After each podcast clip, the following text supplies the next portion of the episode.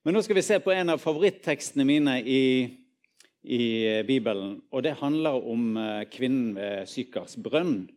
Kvinnen ved Sykars brønn. En utro, utrolig fantastisk rik eh, fortelling som vi bare får sett bruddstykker av, eller sett litt på i dag. Eh, Temaet for talen er 'Kilden med levende vann', eller kanskje mer 'Hvordan kan vi få tak i dette levende vannet? Altså, hva er veien til kilden med levende vann? Og så vil vi se på én ting til, og det er på Jesus som eh, grensesprengeren. Han som kan lede oss inn i ting som vi kanskje tror at vi ikke kan gjøre, eller ting som er umulige. Eh, for oss, eller ser umulige ut for oss. Og det skal vi også få følge Jesus litt inn i det, og følge etter Jesus inn i det. Da leser vi teksten først, og det er en ganske lang tekst, så, eh, men spennende. Så vi begynner i Johannes 4, fra vers 1. Så Johannes 4, vers 1, og nedover til vers 26. Her står det Jesus fikk nå vite hva fariseerne hadde hørt at han vant flere disipler og døpte flere enn Johannes. Riktignok var det ikke Jesus selv som døpte, men disiplene hans. Da forlot han Judea og dro igjen til Galilea. Han måtte reise gjennom Samaria, og der kom han til en by som het Sykar, like ved det jordstykket Jakob ga til sin sønn Josef. Der var Jakobskilden. Jesus var sliten etter vandringen, og han satte seg ned ved kilden. Det var omkring den sjette time. Da kommer en samaritansk kvinne for å hente vann. Jesus sier til henne, 'La meg få drikke.' Disiplene hans var nå gått inn i byen for å kjøpe mat. Hun sier, 'Hvordan kan du som er jøde, be meg, en samaritansk kvinne, om å få drikke?'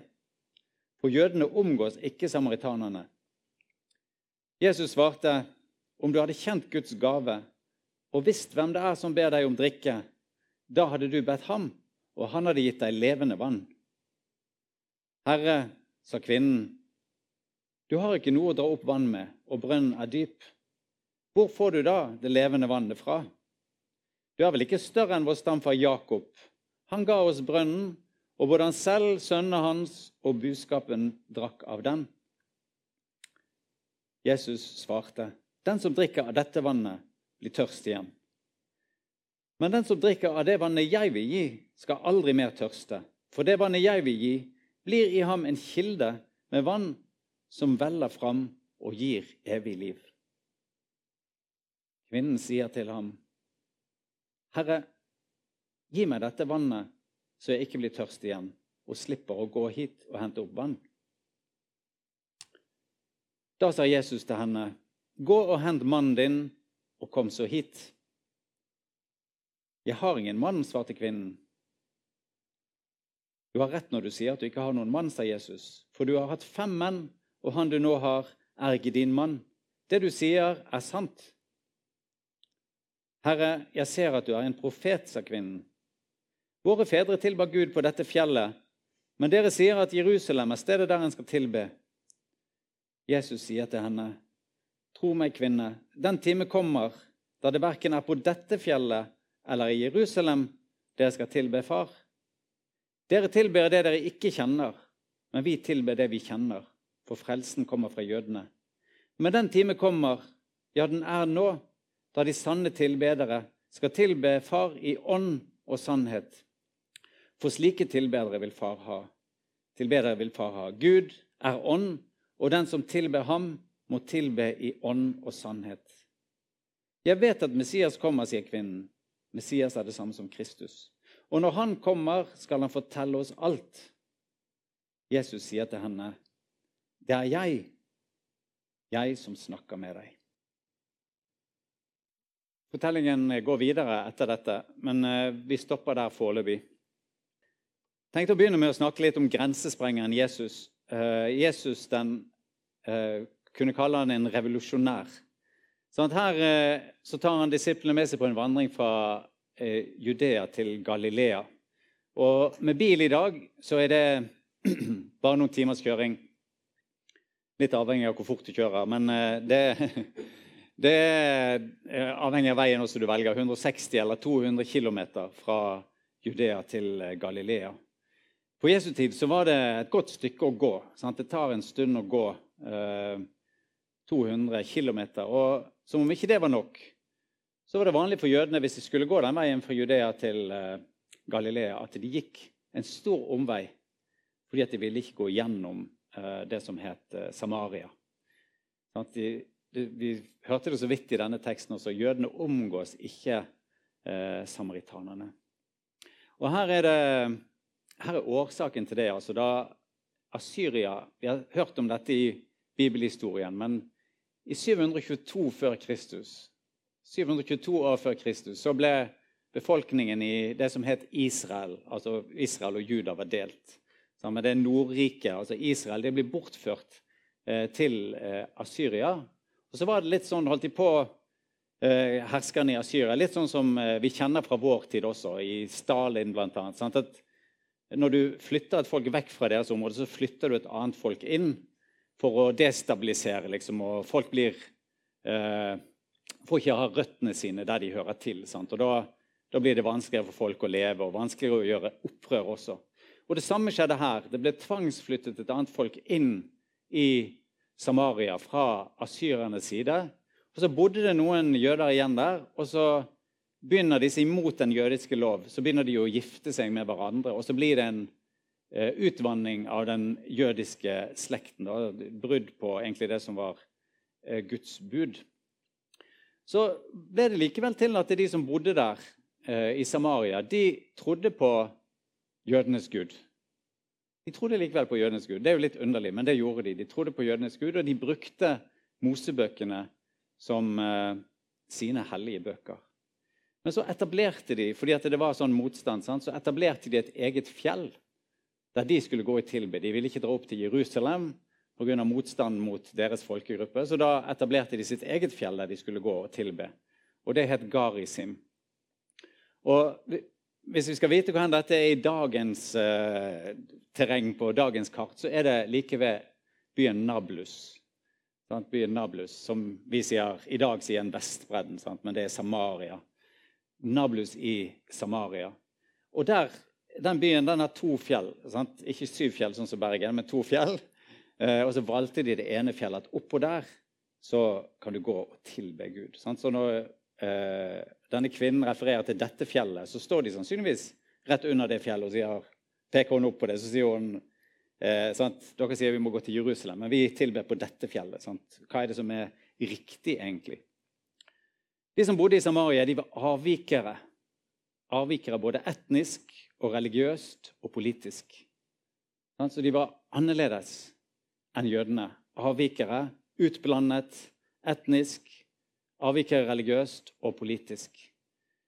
Og Det var grunnen til at det var så stor motstand mot dem, at jødene ville ikke ha noe med dem å gjøre. Og det prøvde å tenke i dag, eller Da jeg satt forberedt til talen, så tenkte jeg hvem kan vi sammenligne eh, disse folkene med i dag? Sånn, hvem kan vi sammenligne dem med? Altså, Hvilken gruppe er det for at vi skal forstå denne teksten. Hvilken gruppe er det som vi kan sammenligne med for å forstå den motstanden som er mot å blande seg med, med, med folk i Samaria? Og eh, Jeg kom ikke på noen gruppe, faktisk. Fordi vi, vi er jo trent i at, vi, at alle har lik verdi. Sant? Trent i å tenke at alle har lik verdi. Det nærmeste jeg kom, var at sant, vi hadde under krigen sant, så var det tyskere som gifte seg med nordmenn. Og det var en veldig motstand mot det eh, under og etter krigen. Sant? Og vi kunne tenke oss at disse hadde bosatt seg i et eget område på den tiden. Så ville vi kjent Nei, vi går ikke inn i det der eh, tyskerområdet, på en måte, sant? Der, der disse blandingsfolkene bor. Så det er en folkegruppe eller en gruppe av folk eh, som vi ser ned på, eh, liksom samaritanerne. Og så skal de gå, da, Jesus og disiplene, sant? fra eh, Judea til eh, Galilea. Og så ser vi ikke noe av diskusjonen som skjer før de går. Men åpenbart så sier Jesus vi bare går, rett vi går korteste vei. Sant? Vi bare går korteste vei, vi. Og så går de rett igjennom det området som er sånn no go. Der, altså, der skal de ikke gå. Så går de rett igjennom der.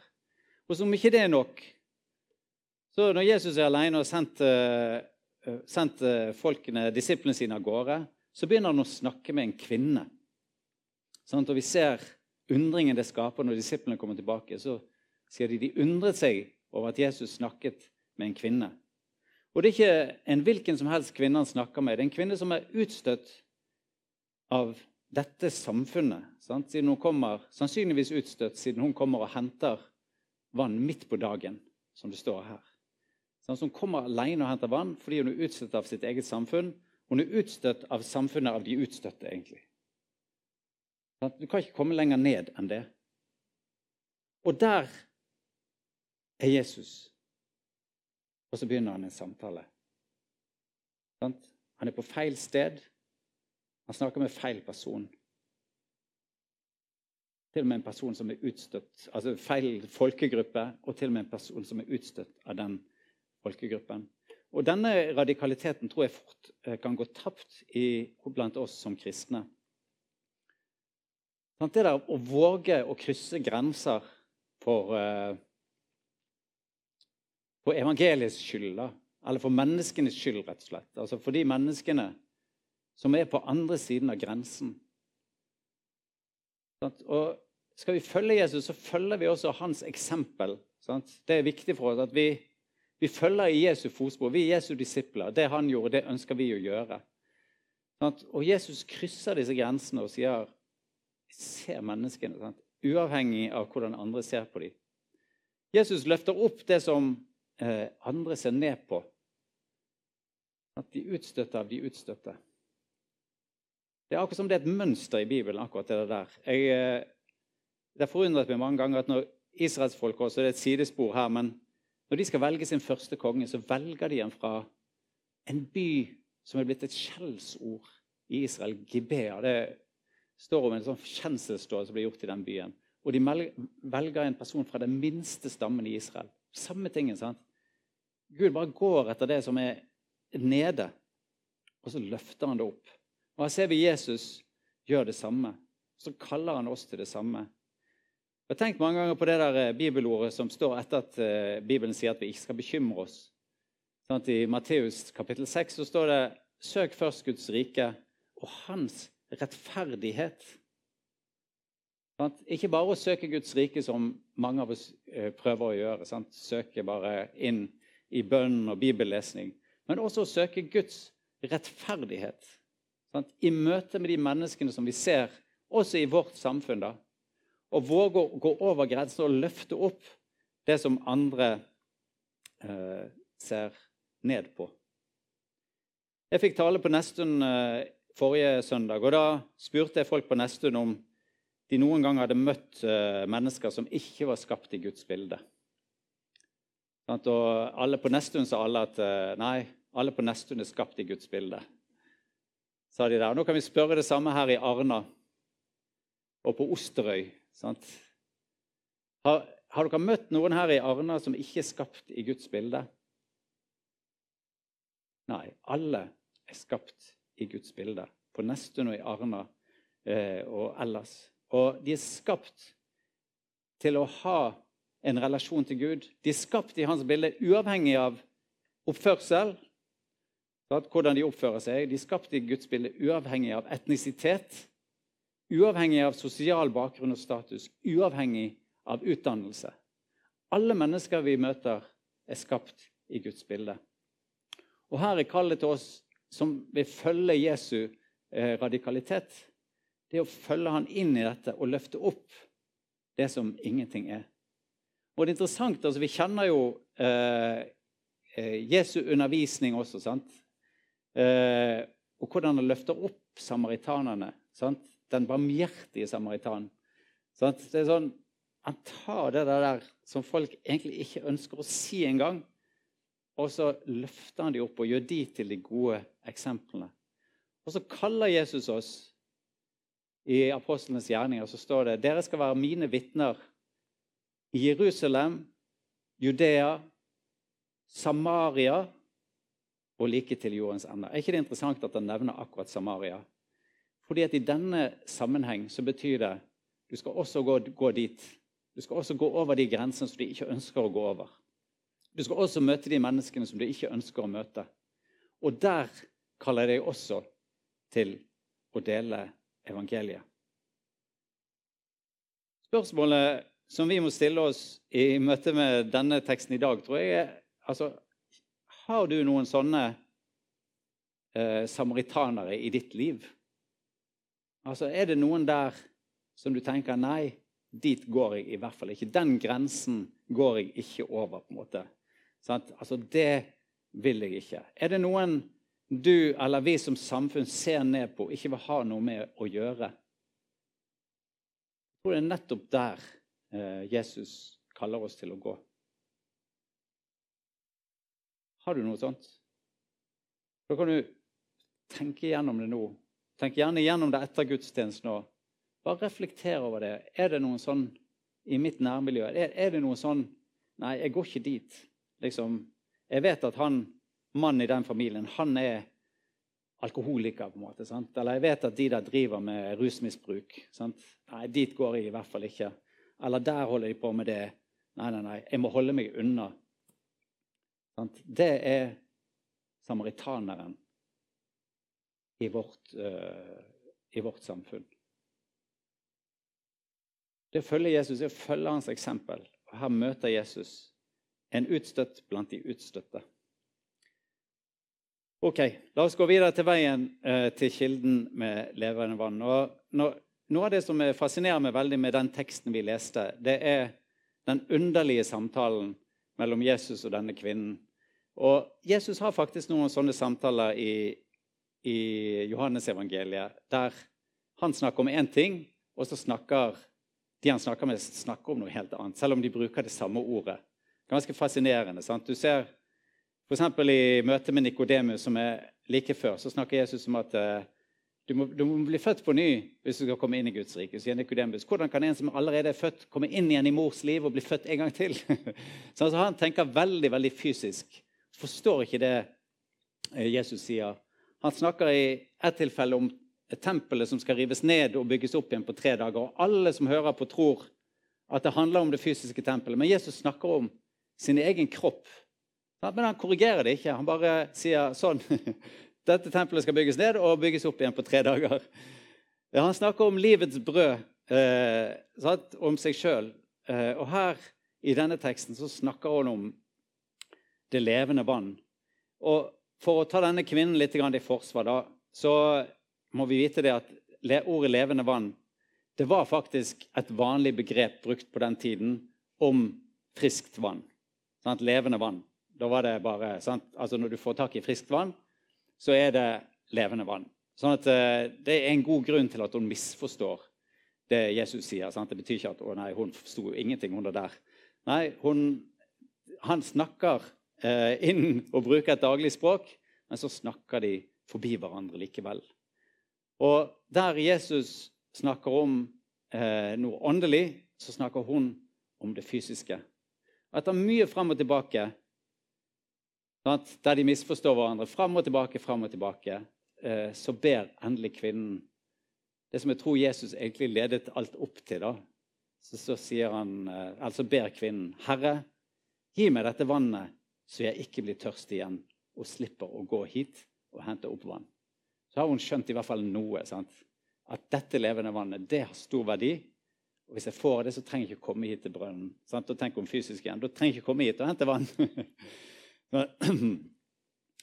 og så tar Jesus henne derfra på en reise, etter at hun har stilt spørsmål på en reise der hun får tak i dette eh, levende vannet. Men den reisen som Jesus tar henne på, den er annerledes enn det vi som følger denne fortellingen, kanskje tenker. Fordi at Eh, kanskje ville vi sagt, Når hun ber om å få det levende vann, så vil Jesus bare legge hendene sine på henne og si ta imot Den hellige ånd. sant? Og så får hun eh, Den hellige ånd, og så er alt bra, og så lever hun lykkelig videre. Alle sine dager, holdt jeg på å si. Men sånn er ikke denne fortellingen. sant? Og veien dit er en annen enn det vi forventer. For hva er Jesu neste spørsmål etter at eh, kvinnen har bedt om å få levende vann?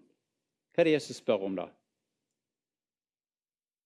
Da sier han bare ganske enkelt Gå og hent mannen din, og kom så hit. Det er en veldig underlig vei til levende vann? Her har du en person som akkurat har bedt om å få det, og så sier de 'gå og hent mannen din', og så kan du komme hit. Og Så sier kvinnen 'jeg har ingen mann'. Og åpenbart så berører det som Jesus sier, og spørsmålet Jesus stiller, noe som er veldig veldig sårt i denne kvinnens liv. Sånn han går rett inn i det som trolig også er årsaken til at hun er utstøtt fra sitt eget samfunn. Han går rett inn i nederlaget, Det er hovednederlagene i livet til denne kvinnen. Vi vet at Jesus gjorde sånn. sånn at da en annen fortelling om Jesus så kommer, om det som skjedde, så kom de med en lam mann som de heiste ned gjennom taket. Og så rett foran Jesus. Sant? Og så eh, Alle ønsker jo at han skal bli helbredet. Først Jesus sier jeg, 'Dine synder er tilgitt'. Man svarer åpenbart på noe dypere enn det som er det synlige. Samme skjer her. Gå og hent mannen din, og så kan du komme hit. Jeg har ingen mann. Men nettopp gjennom dette spørsmålet, denne befalingen, så leder Jesus kvinnen inn i det som hun har bedt om. Først prøver hun å komme seg unna kanskje med det som er et religiøst spørsmål. Hvor skal vi tilbe? Og så sier Jesus det er ikke hvor du tilber, om det er Jerusalem eller Garisim. Det er ikke det som er det viktige, men det er hvordan du tilber. Du må tilbe i ånd og sannhet. Til slutt så snakker hun om Messias. Hun begynner å snakke om Messias, og så presenterer Jesus seg som den han er. Og I Johannes evangeliet så er det mange ganger at Jesus bruker dette her eh, 'jeg er'. Sånn som eh, Da Gud presenterte seg selv, så sa han 'jeg er'. Jeg er den jeg er. Sant? Jeg er er navnet mitt. Og dette er første gang Jesus bruker det også i Johannes evangeliet. Så sier han, 'Jeg er Messias, jeg som snakker med deg'. For første gang viser han sin fulle guddommelige natur til en utstøtt kvinne i et utstøtt samfunn. Blant et folk som ingen vil ha noe med. Her ligger tror jeg, veien til det levende vannet også for oss. Og det er to, to nøkler som jeg har lyst til at vi skal fokusere på i dag. Det første er rett og slett snakk sant om livet. Snakk sant om livet. Et annet bibelord litt senere i Johannes evangeliet så står det hvis dere blir i mitt ord, og dere er dere virkelig mine disipler, da skal dere kjenne sannheten, og sannheten skal gjøre dere fri. Da Jesus kom til vår jord, så var han full av to ting. Hva var det? Nåde og sannhet. Nåde og sannhet. Nåde og sannhet. I dagens tekst også blir ordet 'sannhet' brukt flere ganger. Den time kommer, ja, den er nå, da de sanne tilbedere skal tilbe Far i ånd og sannhet. For slike tilbedere vil Far ha. Gud er ånd, og den som tilber ham, må tilbe i ånd og sannhet. Sannhet, sannhet, sannhet. Snakk sant om livet. Det å snakke sant om livet, det åpner dører. Eh, og det er fort gjort at vi tar på oss en sånn eh, religiøs drakt. Og så begynner vi å snakke om livet Når vi deler om livet vårt, så snakker vi om livet sånn som vi tenker at det egentlig skulle vært for meg som en kristen. Og kanskje klarer vi også å lure oss selv til å tro at det er sånn. Jeg vet ikke. Sånn, men vi, vi, vi, vi, fornekter på en måte det som eh, reelt skjer, og så sier vi nei, sånn er det ikke for meg, fordi jeg er en kristen. Det er sånn som det står her. Og Det er jo en øvelse jeg tror, men jeg tror det er viktig at vi, at vi her snakker sant. At vi våger å snakke sant. Jeg snakket akkurat med noen om eh, menighetsliv og sånn her for noen dager siden. Og, og da var det flere som nevnte det, at de opplevde at i menighetene så snakker ikke folk sant ikke det en fryktelig eh, konklusjon, egentlig? Hvis, hvis, det er sånn at eh, Jesus var full av nåde og sannhet, og så sitter vi der som hans etterfølgere, og så kommer folk inn og sier de, vi opplever at dere snakker ikke sant. dere snakker ikke sant. Det er ikke sann respons. Det er alltid tilgjort. Det er alltid sånn som dere tenker at det skulle være. Og her trenger, tror jeg at vi trenger å øve, vi som kristne. øve på å snakke sant om livet. Sånn at Gud har skapt deg og meg med hele bredden av det følelsesregisteret vi har. Ikke for at du skal bruke så mye av det. Og det er liksom vitnesbyrdet ditt. Og jeg er bare her oppe, jeg. Liksom, sant? Det er bare alt alt er greit. Men vi har et stort, stort spekter av følelser som vi kan få lov til å beskrive, og vi kan få lov til å eh, snakke om. Og Jeg har sagt eh, tidligere her i denne menigheten eh, Det har roet seg litt etter hvert, men jeg, jeg, er en person som i livet mitt har bedt veldig mange bønner med knyttede never. Ikke foldede hender, men knyttede never. Fordi jeg har vært opprørt over at Gud ikke griper inn. Så sitter du der liksom sånn Og du erkjenner jo i det du ber meg knytte til never, at hvem er jeg, på en måte?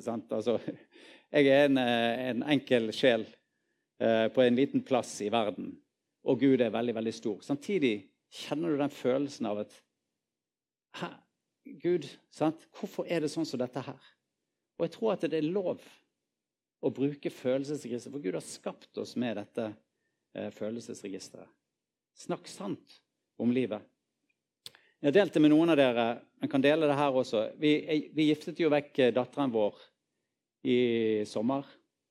Og eh, allerede, Vi feiret det her da, i dette lokalet. Og for meg var det helt fullstendig overraskende at, eh, at det også var en, for meg som far da, at det også var en dag uh, fylt med, med sorg å gifte vekk datteren sin. da altså sorg og savn, egentlig. Altså, jeg bare kjente at Jeg er sånn som alltid liker å høre på radio når jeg kjører bil. Sant? Og få med meg nyheter og sånn. sant? Og den dagen på morgenen så skulle jeg ut og, og kjøre og hente noe greier, så skrudde jeg på radioen. Så tenkte jeg jeg bare kjente Jeg klarer ikke å høre på noe i dag. Jeg måtte bare sitte i stillhet, for det var så veldig mye som pågikk inni her. Jeg hadde nesten aldri sånn. Og så, og så og så kommer vi, så kommer vi inn, sant, eh, og ser Sigrid kommer fra frisøren. Og, så, og, det var første gang. Jeg gråter nesten aldri, sant, men, eh, men, da kommer hun ut fra frisøren, og jeg ser at hun er en brud. Og da bare kjente jeg nå tårene. Sant? Og så sto vi da utenfor Mariakirken, og Ole Petter skulle være prest og vigselsmann. Og så står vi der ute, eh, hun i brudekjole, jeg i bunad, og jeg skulle være den kule pappaen som eh, det trodde jeg i hvert fall dagen før, sant? som skulle ha full kontroll i situasjonen og bare lede datteren min med et smil opp til alteret. Så står vi der ute og hulkegråter begge to utenfor døren. Sant? Og selv etter at vielsen var over og vi kom her og hadde fest, så kjente jeg bare nå er det noe som flytter.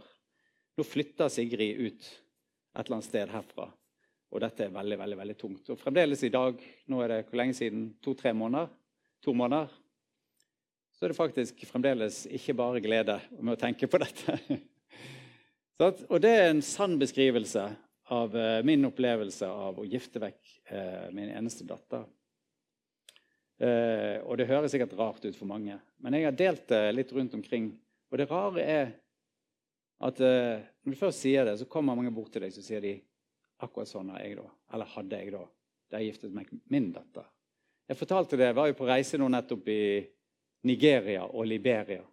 Sant? Det er en helt annen kultur. Så sa jeg det der nede, og når jeg fortalte denne historien, så begynte de å le. Men etterpå så kom de opp flere fedre sa de, akkurat sånn hadde vi det òg. Akkurat sånn hadde vi det òg. Men de hadde aldri sagt det til noen, og det var grunnen til at det kom overraskende på meg. Det var ingen som hadde sagt, snakket sant om å gifte vekk datteren sin. De hadde bare sagt ja, vi gifter vekk datteren. Kjempefint. sant? Men sånn var det ikke for meg, og sånn er det ikke for mange andre. Men med en gang du begynner å åpne opp de der rommene og beskrive hva du føler, på en måte, eller hvordan det virkelig er inni her, så vil du se at det kommer veldig mye respons tilbake. For folk kjenner seg igjen i det. De færreste kjenner seg igjen i bare gode følelser. De kjenner seg igjen i, i kampen, i nederlaget. I det som var vanskelig, det vi ikke fikk til. Der kjenner vi oss igjen. Og Der ligger det også et stort fellesskap. Så En av nøklene til det levende vann er å snakke sant. Og Nøkkel nummer to er veldig enkel. Sant? Du snakker sant i møte med Jesus. Det er det denne kvinnen gjør. Nettopp i møte med Jesus så snakker du sant. Jesus trenger ikke dine fine ord. Han har ikke behov for dine fine ord. Sant? men han har behov for et genuint og ærlig møte der du bringer livet ditt inn foran han. Også det som ikke er etter hans vilje. Og nettopp når vi gjør det, så kan vi få erfare hans nåde. Og Da kan vi få se Jesus sånn som han er, full av sannhet og nåde. Jesus sa til en annen kvinne sa han det veldig tydelig, dine synder er tilgitt. Og På samme måte så møter han også denne kvinnen. Jeg tror hun får en veldig opplevelse av at jeg er sett. Jeg kunne komme med livet mitt sånn som det var. Jeg ble ikke utstøtt av han. Han bare møtte meg. Så får hun dette levende vann som hun har bedt om. En annen ting også Jesus stiller jo spørsmål til kvinnen. Sant? Han sier uh, egentlig 'gå og hent mannen din'. Og Her tror vi kan be oss om Guds hjelp. Sant? Hjelp oss, Gud, til å tale sant om livet, men også til å se livet sånn som du ser det. Se livet mitt sånn som du ser det. Og Her, ikke, her er ikke det meningen at vi skal leite etter synder i vårt eget liv. Eh, av og til tror jeg at vi gjør for mye av det. Altså at Vi er så veldig redd for at det skal være noe galt. Altså, alt fokus blir liksom Kan det være noe bitte lite greier her? Sånn, så bare be Gud. Si er det noe Gud i mitt liv som er mot din vilje, så vis meg det. Og stol på at det skjer. Sånn, ta det på alvor når du blir minnet på noe. Sånn, Den hellige ånd minner oss på ting, og Den hellige ånd er alltid konkret absolutt alltid peker på det som du må endre på, det som er mot Guds vilje. Guds motstander snakker alltid generelt og sier du er ikke god nok. sant? Se på det livet ditt, syndefullt og fælt. Du, du, er ingen god kristen. Du kan aldri handle på sånne budskap. Men det du kan handle på, er når Den hellige ånd sier dette må du gjøre opp i. Der handlet du galt. Der sa du noe du ikke skulle gjort. Det fiendskapet som ligger der, det må du ta tak i og få fram i lyset og så blir det til nytt liv. Historien om denne kvinnen fortsetter etter at uh, hun uh, har hatt det møtet med Jesus. For da løper hun inn til byen, som hun er egentlig sannsynligvis utstøtt fra. Og så, og så, tar hun kontakt med folk. Det endrer jo livet hennes fullstendig. Sant? Hun kommer alene til brønnen, og nå går hun inn for å invitere folk med seg. Så sier hun, 'Kom og se en mann som har fortalt meg alt det jeg har gjort.' Han skulle vel ikke være Messias? At det er budskapet hennes. Hun bare går inn. Kom og se! Sant? En mann som har fortalt meg alt det jeg har gjort. Han skulle vel ikke være Messias? Hun som eh, unngikk andre, er plutselig helt forandret. Og i Johannes-evangeliet så er det utrolig flott at denne kvinnen, den utstøtte kvinnen fra et utstøtt samfunn, hun, hun, hun kommer som den første evangelist. Hun er den første i Johannes-evangeliet som bringer folk til Jesus. Tolv disipler av Jesus hadde gått inn i den byen like før for å kjøpe mat. De kom tilbake med mat, men ingen folk. Denne kvinnen bringer folk med seg. Og det står mange av samaritanerne fra denne byen kom til tro på Jesus pga. kvinnens ord da hun vitnet. Han har fortalt meg alt det jeg har gjort. I vår tid så, så har vi mye sånn evangeliseringskurs. og Hvordan skal vi fortelle om Jesus til andre. Nå står ikke dette i Bibelen. Det er en varehus eller butikk som har det som slagord. Men vi kan ta det til oss. Det enkle er ofte det beste. Det enkle er ofte det beste. Vi, vi har jo sånn der, eh, Det liksom blir så utrolig avansert hvordan du skal evangelisere, og hvordan det er viktig å vite sånn og sånn. og sånn og sånn. Men det enkle er ofte det beste. Kom og se. Kom og møt en mann som har vist meg alt det jeg har gjort. Det var det hun kom med. Hun hadde ikke et eneste evangeliseringskurs. Men det var spørsmålet. Jeg kjenner en som kjenner meg åpenbart, for han har fortalt meg alt jeg har gjort. Kom og møt denne mannen. Kom og se en mann som har forandret livet mitt. Og det kan vi berette om òg. Før jeg ble kjent med Jesus, så var livet mitt et annet. Nå har jeg dette som en rikdom i livet. Så kvinnen med en gang her har ikke bare fått en berøring av det levende vannet, men hun er blitt en kilde til levende vann, sånn som Jesus sa at folk ville bli. Det går igjennom Bibelen som et mønster. Velsignet for å velsigne. Like fra Gud kaller Abraham velsignet, ikke for å beholde, men velsignet for å velsigne. Og I dag så er det ofte sånn at vi, vi kan søke Gud nærmest for vår egen del. Sant? At uh, Vi vil ha mer av det, Gud, og din velsignelse. Sant? Vi ønsker mer. Og det er et godt ønske. Men Bibelens mønster er alltid velsignet for å velsigne, ikke for å beholde. Velsignet. Så at levende vann, ta til det levende vann for å gi eh, det videre.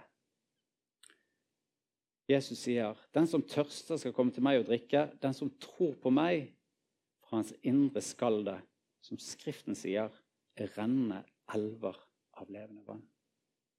Det levende vannet det skal vi få ta med oss og bringe videre eh, til andre. Jeg har et, et ord til eh, som jeg tror er, er til oss som menighet, eh, som også er knyttet til dette med levende vann som står et litt annet sted i Bibelen. Vi skal ta det med nå før vi avslutter talen i dag.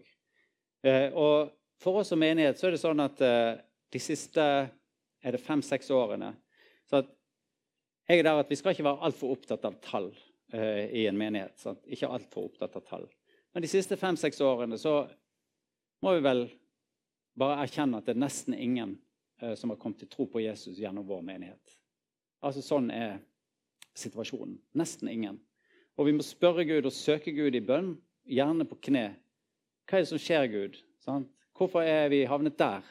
At det er ingen som vi i hvert fall kan se, som kan komme til tro på deg gjennom, uh, gjennom vårt arbeid. Det er jo store behov rundt oss her. Mange mennesker som ikke kjenner Gud. Og da kan vi få ta til oss dette verset som står i Isaiah 43, som også handler om eh, vann Eh, og levende vann. Leser vi det. Isaiah 43. Dere skal ikke minnes de første ting. Ikke tenke på det som hendte før. Se, jeg gjør noe nytt. Nå spirer det fram. Merker dere det ikke? Ja, jeg legger vei i ørkenen, elver i ødemarken. Ville dyr skal ære meg, sjakaler og strutser. For jeg gir vann i ørkenen og elver i ødemarken, som mitt utvalgte folk kan få drikke. Mitt folk som jeg har formet, skal forkynne min pris. Amen. Skal vi be? Kjære Jesus, takker deg for uh, ditt ord til oss i dag, og takk for denne kvinnen som er blitt løftet fram og blitt verdenskjent, Jesus, gjennom at du møtte henne på et sted der du egentlig ikke skulle vært sånn som folk tenkte, og du snakket også med en kvinne som du ikke skulle gjort. Vi takker deg for at, eh, at du eh, bryter grenser, Jesus. Takk for at vi kan få følge i ditt fotspor. Så ber vi Herre om at vi kan få være en menighet som snakker sant om livet, både som enkeltpersoner og som fellesskap. Og at folk her skal få et møte med både med din sannhet og din nåde, Herre, gjennom vårt arbeid. Så ber jeg Jesus, for dette levende vann, at, eh, det, eh, at vi bare skal få ta til oss det, Herre, for å gi det videre. Vis oss, Herre, hvordan vi som fellesskap også kan eh, nå ut med evangeliet til folkene rundt oss. Vi drømmer om det, Jesus, se lokalet fylt opp med mennesker som ikke kjenner deg, men som kan ta imot deg også gjennom denne forsamlingen. Vi ber for de andre menighetene i Arne Herre, at de skal få oppleve det samme. At det er folk som strømmer til fordi de ønsker å få møte deg og din nåde, eller fordi de trenger deg og din nåde. Vis oss vei, Herre, i dette landskapet. Så ber vi om din velsignelse over resten av møtet, over eh, søndagen, Herre. La oss få ta med oss det som var til oss, og handle på det, Jesus, det du har bedt oss om å handle på i dag. I Jesu navn. Amen.